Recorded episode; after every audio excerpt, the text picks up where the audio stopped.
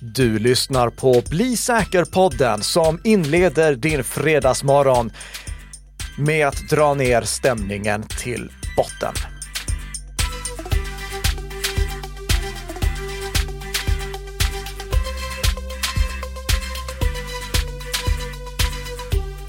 Jo, men visst.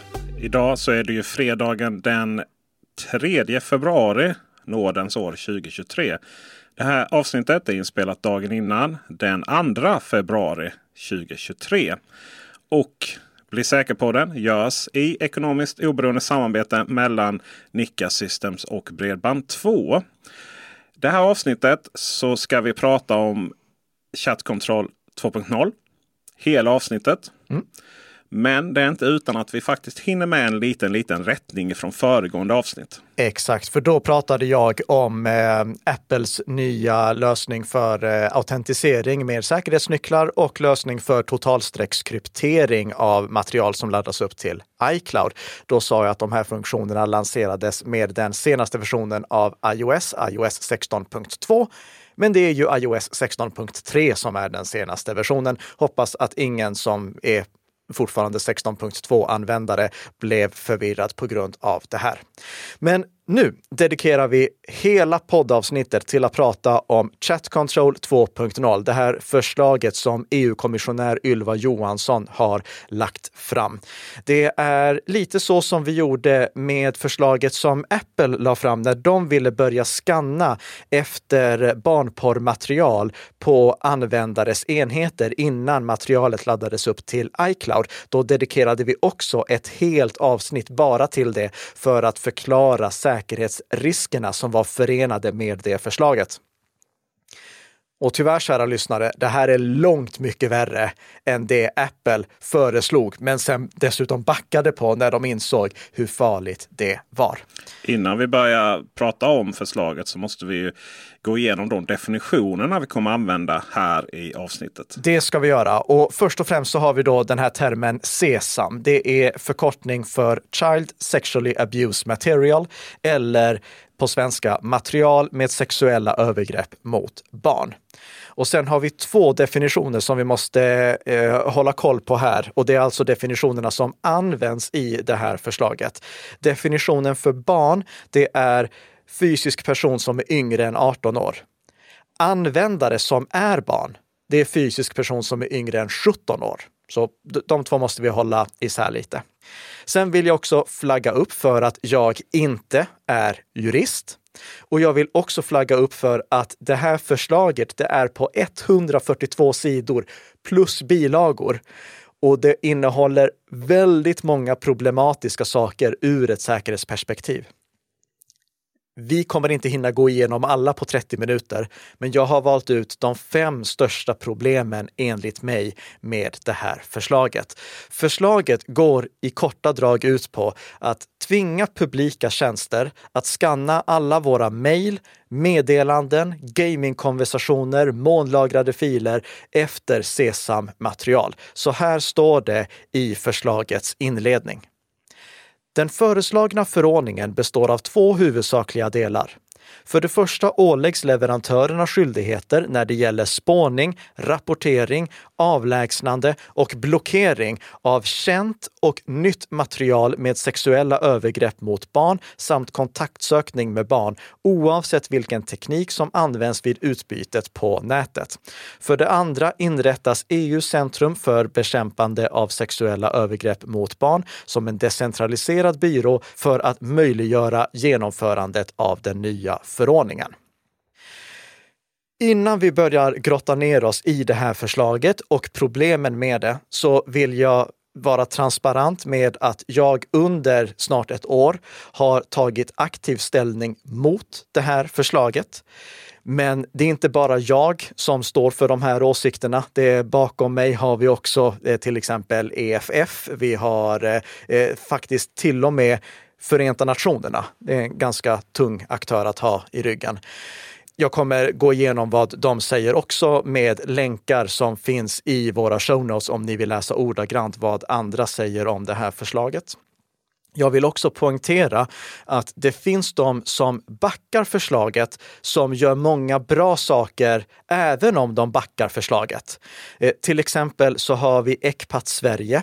Ecpat Sverige, de har gått ut med att de stöttar det här förslaget, men de gör också många bra saker. Till exempel i onsdags då publicerade de en rapport om expose-konton på nätet. Jag rekommenderar alla som är föräldrar att läsa den rapporten. Den är väldigt väldigt bra med tydliga och fungerande rekommenderade åtgärder på slutet. Jag vill också poängtera att jag självfallet tar absolut avstånd från allting som har med grooming och barnporr på nätet att göra. Det som jag vill åstadkomma, det är att vi faktiskt får stopp på det. Och det är därför som jag är extra kritisk mot det här förslaget. För utöver att det är problematiskt ur ett säkerhetsperspektiv så kommer det inte ens att ta itu med problematiken som det marknadsförs att vara framtaget för att lösa. Jag har därför också meddelat Ecpat att jag helt kostnadsfritt ställer upp på att hjälpa Ecpat med att ta fram förslag som faktiskt fungerar ur ett tekniskt perspektiv. I våras, då åkte jag upp till Stockholm. Jag la en dag på att bara åka upp dit och träffa deras representant för att gå igenom problematiken med förslaget. Så det här som ni hör nu, det handlar alltså inte om att jag på något sätt tycker att det ska vara fritt fram för pedofiler på nätet. Tvärtom, jag vill att vi löser problemet. För att vi ska kunna förstå problematiken, då måste vi börja med att konstatera vad vi är överens om i hela världen, i alla fall hela fria delen av världen. Och jag tänkte med att vi börjar med att kolla på FNs deklaration om mänskliga rättigheter. Så här skriver FN, Förenta Nationerna, på sin webbplats. Citat. Efter andra världskriget fanns det en stark vilja att på internationell nivå skapa en gemensam överenskommelse om universella och odelbara rättigheter så att liknande övergrepp inte skulle kunna ske i framtiden. FNs generalförsamling antog den 10 december 1948 en allmän förklaring om de mänskliga rättigheterna. Slut citat. Och Peter, skulle du kunna läsa för oss artikel 12 ur FNs deklaration om mänskliga mänskliga rättigheter.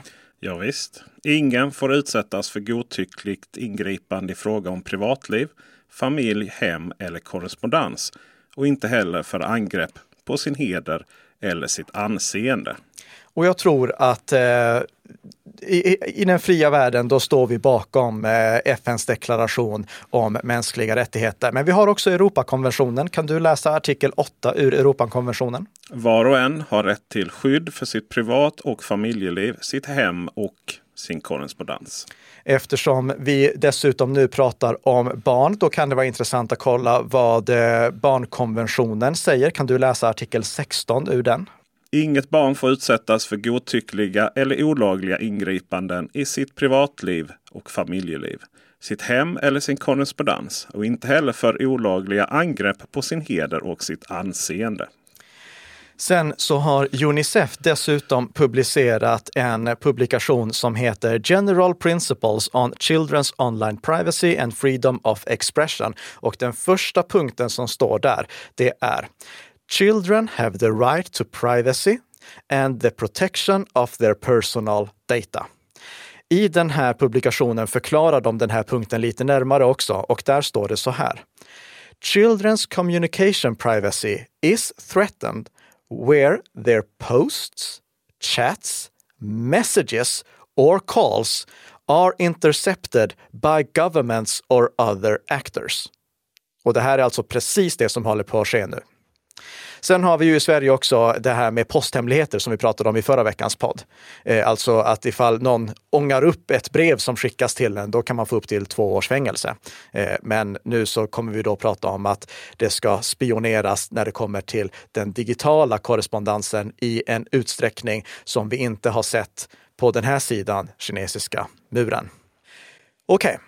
Var är vi idag då? Var är vi idag? Den eh, 6 juli 2021, då klubbades Chat Control igenom. Och Chat Control är alltså förlagan till Chat Control 2.0. Minns du Peter den enorma diskussionen som var inför genomklubbandet av Chat Control? Nej. Nej, det är ingen som minns den diskussionen, för det var ingen stor diskussion. Men Chat Control, den som gäller nu alltså, den ger plattformar rätt att skanna chattar och mejl för att hitta texter och bilder med SESAM-material.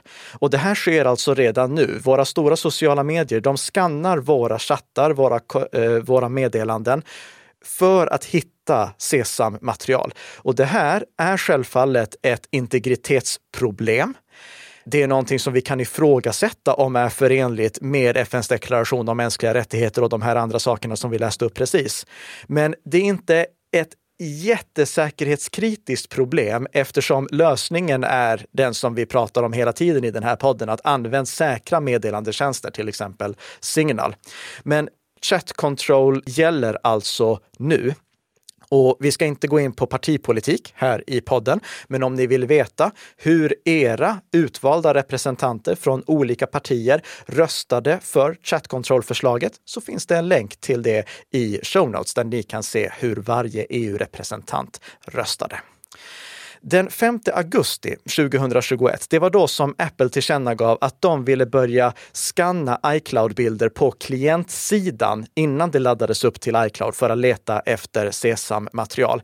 Det var då de också meddelade att de ville börja analysera iMessage-meddelanden för att kontrollera ifall de innehöll grooming-försök. Vi pratade om det här i hela avsnitt 130, så ni kan lyssna på det.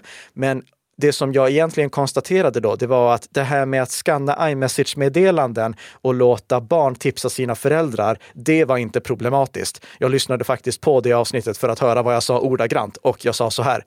Jag ser inga problem med det här. Men däremot så förklarade jag den, de otroliga problem som kom av att börja skanna efter saker på klientsidan.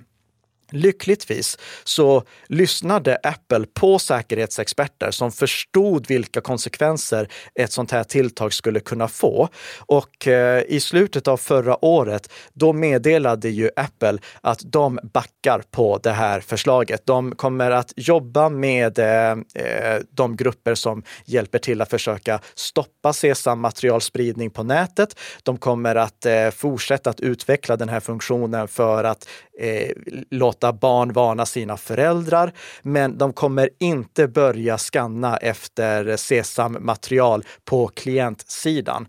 Och eh, i en kommentar till Wired skre, eh, sa Apple så här, citat på engelska. We have further decided to not move forward with our previously proposed CSAM detection tool for iCloud photos. Children can be protected without companies combing through their personal data. And we will continue working with governments, child advocates, and other companies to help protect young people, preserve their rights to privacy, and make the internet a safer place for children and for us all. Slut citat. Så Apple, de förstod det här måste vi backa från. Men den 11 maj 2022, då la EU-kommissionär Ylva Johansson fram det här förslaget Chat Control 2.0. Och den avgörande skillnaden här, det är att med Chat Control 2.0, då är det inte längre frivilligt för de här eh, eh meddelandetjänsterna att skanna efter SESAM-material, utan det blir tvång. Eh, de kan fortsätta göra det frivilligt, men de kan också åläggas att göra det. De kan bli tvingade att göra det och då måste de ha tekniken för att göra det. Jag ska nu läsa ur de inledande skälen vad som står kring den här förändringen, kring det här förslaget. Och jag vill varna våra lyssnare för att det här är världens längsta mening, så ni får försöka hålla, eh, hålla huvudet i styr här för att förstå vad som menas. Jag kommer att tolka det också. Det här är skäl 5 och givetvis allting ligger länkat i våra show notes om ni vill läsa vidare. Citat. Eftersom allmänt tillgängliga interpersonella kommunikationstjänster, såsom meddelandetjänster och webbaserade e-posttjänster, i allt högre grad missbrukas för detta ändamål bör förordningen inkludera sådana tjänster i den mån dessa är allmänt tillgängliga. Eftersom tjänster som möjliggör direkt interpersonellt och interaktivt informationsutbyte enbart som en extra funktion av mindre betydelse som är direkt kopplad till en annan tjänst, till exempel chattar och liknande funktioner som en del av spel, bilddel försäljning och värdtjänster för video likaså riskerar att missbrukas bör de också omfattas av denna förordning. Slutcitat. Det innebär alltså att Peter, det här förslaget säger att dina mejl ska skannas. Dina meddelanden ska skannas. Dina videosamtal ska skannas. Dina spelchattar ska skannas och dina molnlagrade filer ska skannas. Det som inte ska skannas, det är filer som ligger bara lokalt på din dator. Och vill du veta vem det är som ska skanna? Hemskt gärna. Det är de som driver tjänsterna. De som driver tjänsterna, de ska skanna efter CSAM-material med tekniker som de finner lämpliga och de ska rapportera det här till ett eh, nytt EU-center med nära koppling till eh, Europol som då ska startas med anledning av det här. Och då kommer vi in på det första problemet. Och det första problemet, det tänkte jag kalla risk för feldetektering. Men det är ingen risk, det feldetektering kommer ske. Kollar vi på hur det ser ut idag, hur den schweiziska federala polisen hanterar de eh, eh, rapporter om barnporr som de får in, då ser vi hur pass bra dagens rapporter är, hur pass ofta de stämmer överens. Så hur, hur ofta rapporterade barnporrincidenter faktiskt är barnporr. Och anledningen till att jag tar schweiziska polisen istället för svenska polisen, det är att jag har inte hittat motsvarande siffror från svenska polisen. Men 2017, då var det ungefär 8 procent av materialet som rapporterades in som faktiskt var barnporr. 2018 var det 7 procent, året därpå 9 procent, året därpå 15 procent och 2021, då var det hela 19 procent av det inrapporterade materialet som faktiskt var barnporr. Men det innebär att det är en väldigt stor mängd av rapporterat material som inte är det. Och idag baseras väldigt mycket av den här rapporteringen på det vi kallar bildhashar, värden som beskriver känt barnporrmaterial. Men Chat Control 2.0 säger inte att det bara är känt SESAM-material som ska rapporteras, utan även nytt SESAM-material de som driver de här tjänsterna, de måste alltså ha någon typ av eh, artificiell intelligens som ska bedöma om bilder som skickas, videoklipp som skickas och texter som skickas är barnporr eller inte. Och det kan bli ganska problematiskt. Alltså, vi har redan idag en väldigt låg tillförlitlighet i de rapporterna som kommer in. Vad tror ni kommer hända när det är artificiell intelligens som ska bedöma om det är sesammaterial eller inte? Låt mig ta några exempel. Lättklädda barn på stranden. Är det sesammaterial eller inte? Eh, barn i badkaret. Det är familjealbum med barn som sitter med skum i hela håret. Är det sesammaterial eller inte? Och eh, tänk dig en 19-årig Onlyfans-modell som ser ut att vara 17. Tror ni att det kommer klassas som eh, SESAM-material eller inte? Jag kan säga det är ganska svårt, alltså bara på stan att se ifall en person är 17 eller 19 år. Och problemet med feldetektering, det ser vi konsekvenserna av redan idag. Jag tänkte ta ett exempel ur New York Times. Artikeln ligger länkad i våra show notes.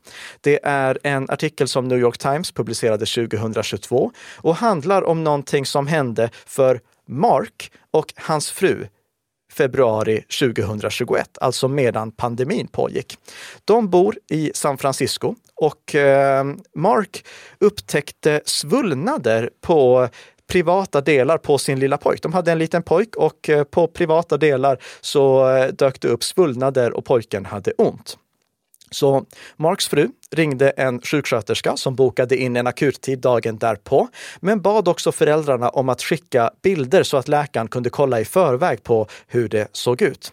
Mark skickade bilderna. Läkaren kunde konstatera vad som var fel, skrev ut antibiotika och lillpojken blev frisk.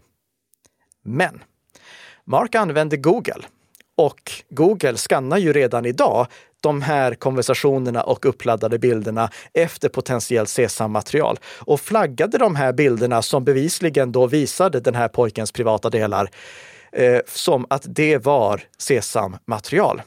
Så Mark fick inte längre åtkomst till sitt eh, eh, Google-konto som en konsekvens av det, vilket gjorde att han förlorade åtkomsten till sin mail, till sin kalender, till sina bilder och till och med sitt telefonabonnemang, vilket han hade via Google. I december 2021, alltså nästan ett år senare, då meddelade polisen att eh, Mark hade blivit utredd för barnporrbrott. Eh, polisen hade försökt nå honom via telefon, men det gick inte eftersom Google hade stängt av hans telefon. Eh, polisen meddelade att han såklart var frikänd, men Google ger ändå inte tillbaka kontot. Så Mark har förlorat åtkomsten till det. Så Google har här tagit sina egna händer att bedöma att nej, du har inte längre åtkomst till någonting som du har lagrat hos oss.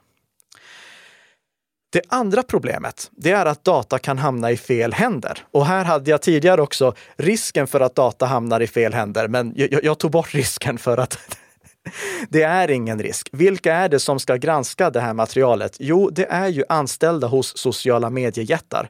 Och nu tänker jag inte bara på att de då till exempel kommer se alla bilder som 20-åringar sexting-chattar med varandra. Eh, för alltså 20-åring, hur ska en, hur ska en automatisk eh, artificiell intelligens kunna veta om det är en eh, person som är 20 år eller 16 år?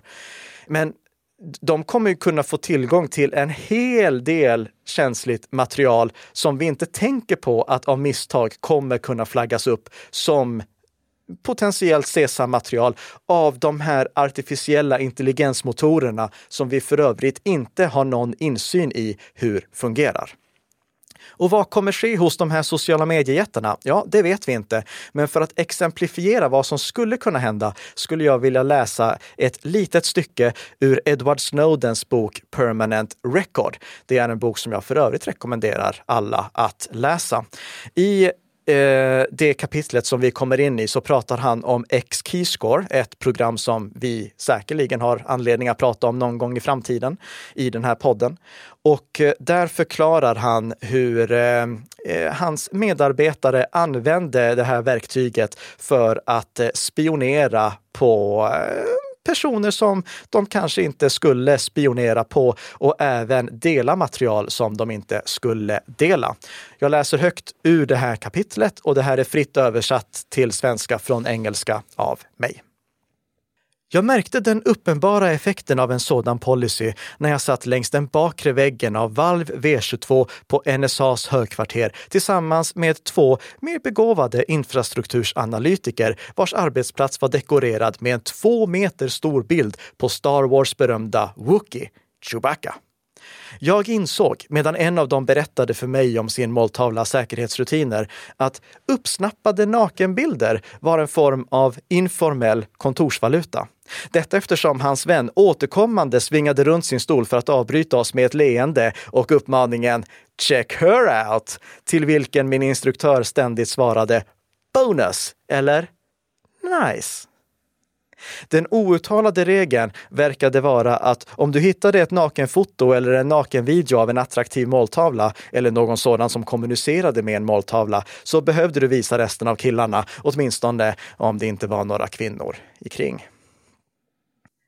Ni kan läsa resten av boken också. Det är väl värt att göra, men jag gör det inte i den här podden. Och det här är självfallet inte bara ett problem på NSA där Edward Snowden jobbade, utan vi fick ju ett exempel så sent som för ett år sedan. Det var då Aftonbladets 200 sekunder med Robert Aschberg avslöjade att eh, medarbetare hos Verisure larmade, eh, eh, förlåt, larmade, tipsade varandra om nakenbilder på kunder som de hade fångat via Verisures kameror. Eh, så det här, det är ett problem som vi måste ha i åtanke. Och då ska vi därtill lägga till risken för spionage, alltså att de sociala medietjänsterna börjar plocka in lite extra information som de kan vara intresserade av.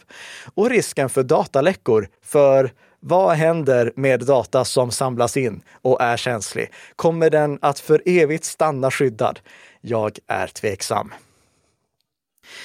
Men då tänker ni kanske, ja, så då är enda lösningen att börja använda säkra meddelandetjänster som inte går att avlyssna. Alltså till exempel om du är politiker eller läkare eller präst eller journalist. Då måste du gå över till totalstreckskrypterade tjänster så att det inte går att avlyssna. Men jag är ledsen kära lyssnare, det hjälper inte. För så här står det i kärl 26.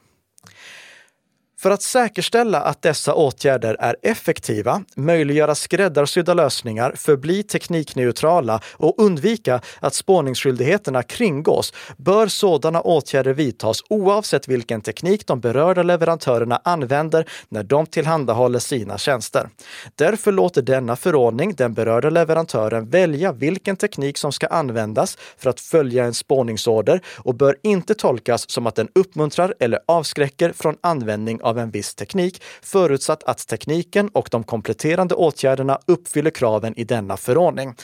Detta inbegriper användningen av totalstreckskryptering som är ett viktigt verktyg för att garantera säkerheten och konfidentialiteten i fråga om användarnas kommunikation, även vad gäller barns kommunikation. När leverantörerna verkställer en spårningsorder bör de vidta alla tillgängliga skyddsåtgärder för att säkerställa att den teknik som de använder inte kan användas av dem eller deras anställda för andra ändamål än för att följa denna förordning eller av tredje parter och därmed undvika att undergräva säkerheten och konfidentialiteten i fråga om användarnas kommunikation. Slutcitat. Ehm, jag fattar inte. De, det måste vara, man måste säkerställa att det är totalstreckskrypterat Samtidigt som man ska bryta den totalstreckskrypteringen. Du tycker att det låter lite motsägelsefullt? Ja. Och det är för att det är motsägelsefullt. Det går inte att garantera säkerheten och samtidigt bryta upp totalstreckskrypteringen. De två sakerna är helt skilda. Det går inte att få ihop. Men trots det så kräver alltså chattkontroll, och det är nu det börjar bli väldigt allvarligt, att dina mejl, även de totalstreckskrypterade, de ska skannas. Dina meddelanden, även de totalstreckskrypterade, de ska skannas. Dina videosamtal, även din, de totalstreckskrypterade, de ska skannas. Och dina molnlagrade filer, även de totalstreckskrypterade, de ska skannas.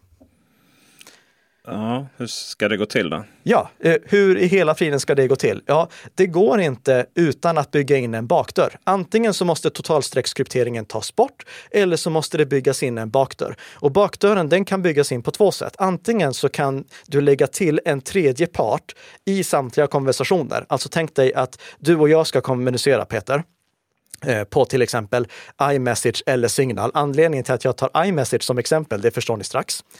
Då skulle Apple kunna lösa det genom att totalstreckskryptera allting mellan mig som part 1, dig som part 2 och Apple som part 3. Men minns du att vi för några veckor sedan pratade om att Apple hade lagt till en funktion just för att varna ifall en tredje part läggs till? Ja. I, ja. det, det, är ju just det, det som är skälet till att det varnas för att en tredje part läggs till för att förhindra att information läcks till tredje part. Det andra sättet, det är genom att skanna på klientsidan, alltså på mobiltelefonen innan meddelandet skickas och efter att meddelandet har tagits emot. För där är det ju alltid dekrypterat. Och sen rapportera misstänkt SESAM-material via en sidokanal så att eh, mobiltelefonen och datorn automatiskt läcker alla rapporter till den som driver tjänsten. Att kalla det totalstreckskrypterat, det är tekniskt möjligt att göra för att kommunikationen är totalstreckskrypterad. Men det är definitivt inte någonting som hänger ihop med just det här påståendet om att eh, när leverantörerna verkställer en spårningsorder ska de vidta alla tillgängliga skyddsåtgärder för att säkerställa att den teknik de använder inte kan användas av dem eller deras anställda för andra ändamål än för att följa denna förordning och därmed undvika att undergräva säkerheten eller konfidentialiteten. Det, det går inte för att visst, informationen skickas krypterat från avsändande enhet och det krypteras inte förrän den tas emot. Men du har fortfarande någon som står över axeln och ser allting som görs. Så till exempel Signal, vad har de för alternativ nu? Ja, de har två alternativ. Om det här Chat Control 2.0 går igenom, då kan de antingen installera en bakdörr eller så kan de lämna EU. För att det här gäller bara de tjänster som riktar sig mot EU eh, och EUs inre marknad. Tutanota, eh, den här eh, populära e-posttjänsten, de kan antingen installera en bakdörr eller lämna EU, vilket blir problematiskt för Tutanota eftersom de sitter i eh, Tyskland. Eller så kan de eh, betala böter helt enkelt för att eh, de gör fel. Och eh, i artikel 35, då står det så här. Medlemsstaterna ska se till att det högsta påföljdsbelopp som utdöms för en överträdelse av denna förordning inte överstiger 6% av årsinkomsten eller den totala omsättningen för leverantörens föregående verksamhetsår. Så. Då har vi några stora problem på halsen. Vi kan ta problem tre som vi kommer in på här också. Och det är eh, det som vi var inne och eh, rörde vi lite tidigare, nämligen att det här är människorättsvidrigt. Och det här, det är någonting som är så problematiskt att eh, Eh, Eh, Förenta Nationernas människorättskommissionär publicerade ett publikt brev som vi länkar till i våra show notes, där det står att det finns en eh, risk att sån här klientsidesskanning leder till att oskyldiga individer fastnar. Det kan leda till självcensur. Det kan leda till dataläckor och det kan leda till ändamålsglidning. Och ja, ändamålsglidning eller problem 5, eller problem 4 som jag har lagt det som här. Det kommer vi till efter att jag har läst ett litet, litet stycke ur eh, det här eh, brevet från Förenta Nationerna.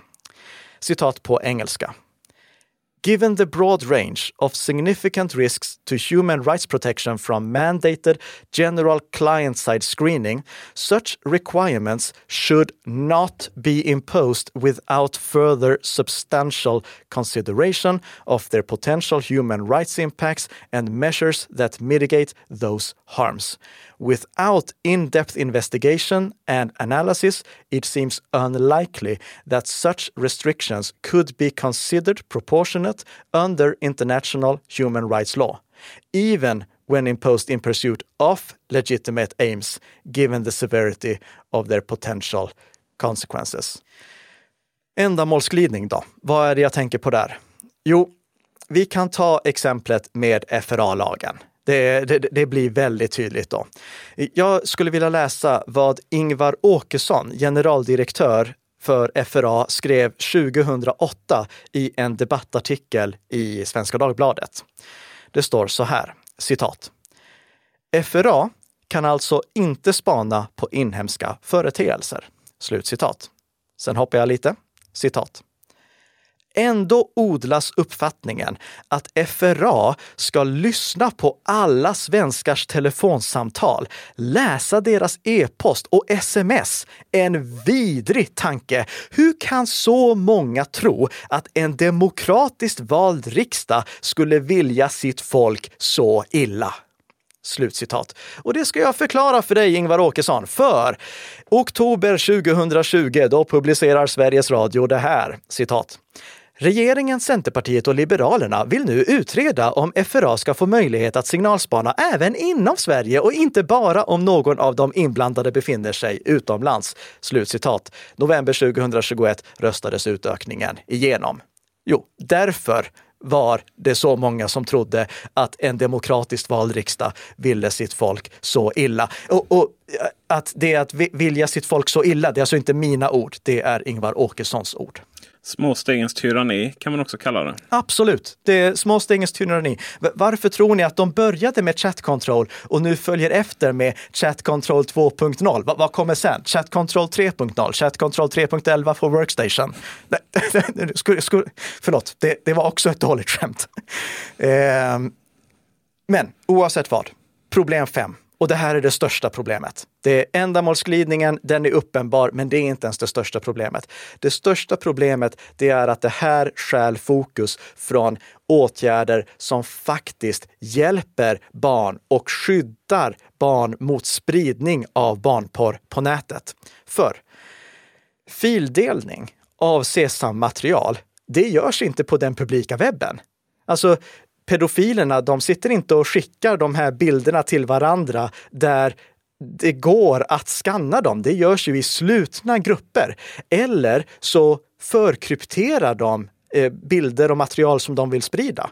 Och det är inte någonting som går att skanna. Alltså ifall en person med eh, illa uppsynt eh, väljer att eh, ta material, kryptera det i ett zip-arkiv och sen lägga upp det på Google och dela en länk tillsammans med ett lösenord till eh, sina vänner som pysslar med illegala saker. Det är inte någonting som kan skannas. Och det finns ju ingenting som hindrar de som vill dela illegalt material att fortsätta göra det på tjänster som inte omfattas av det här. Alltså antingen så väljer de bara att kryptera materialet innan de laddar upp det, eller så väljer de att inte ens föra konversationerna på plattformar som skannar materialet.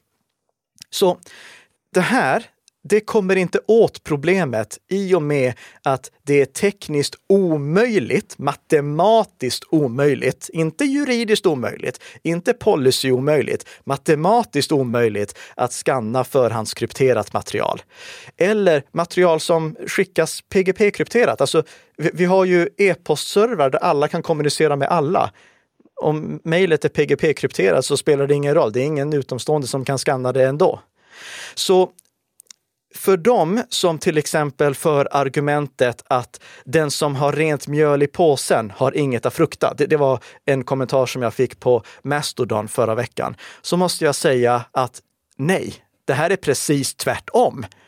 Det är bara de som har rent mjöl i påsen som har något att frukta. För det är bara de som påverkas av det här. Pedofilerna som vill dela sesammaterial, de påverkas inte. De kan fortsätta i alla fall.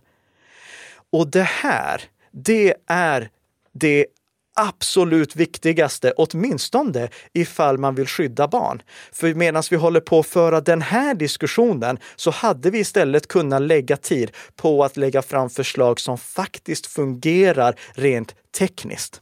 Jag skulle därför vilja avsluta veckans podd med att uppmana alla att gå till eh, våra show notes för den här veckan. Läs brevet som European Digital Rights har publicerat tillsammans med 117 andra grupperingar, däribland EFF Dataskydd och DFRI. Tänk på barnen. Det är deras framtid det här handlar om.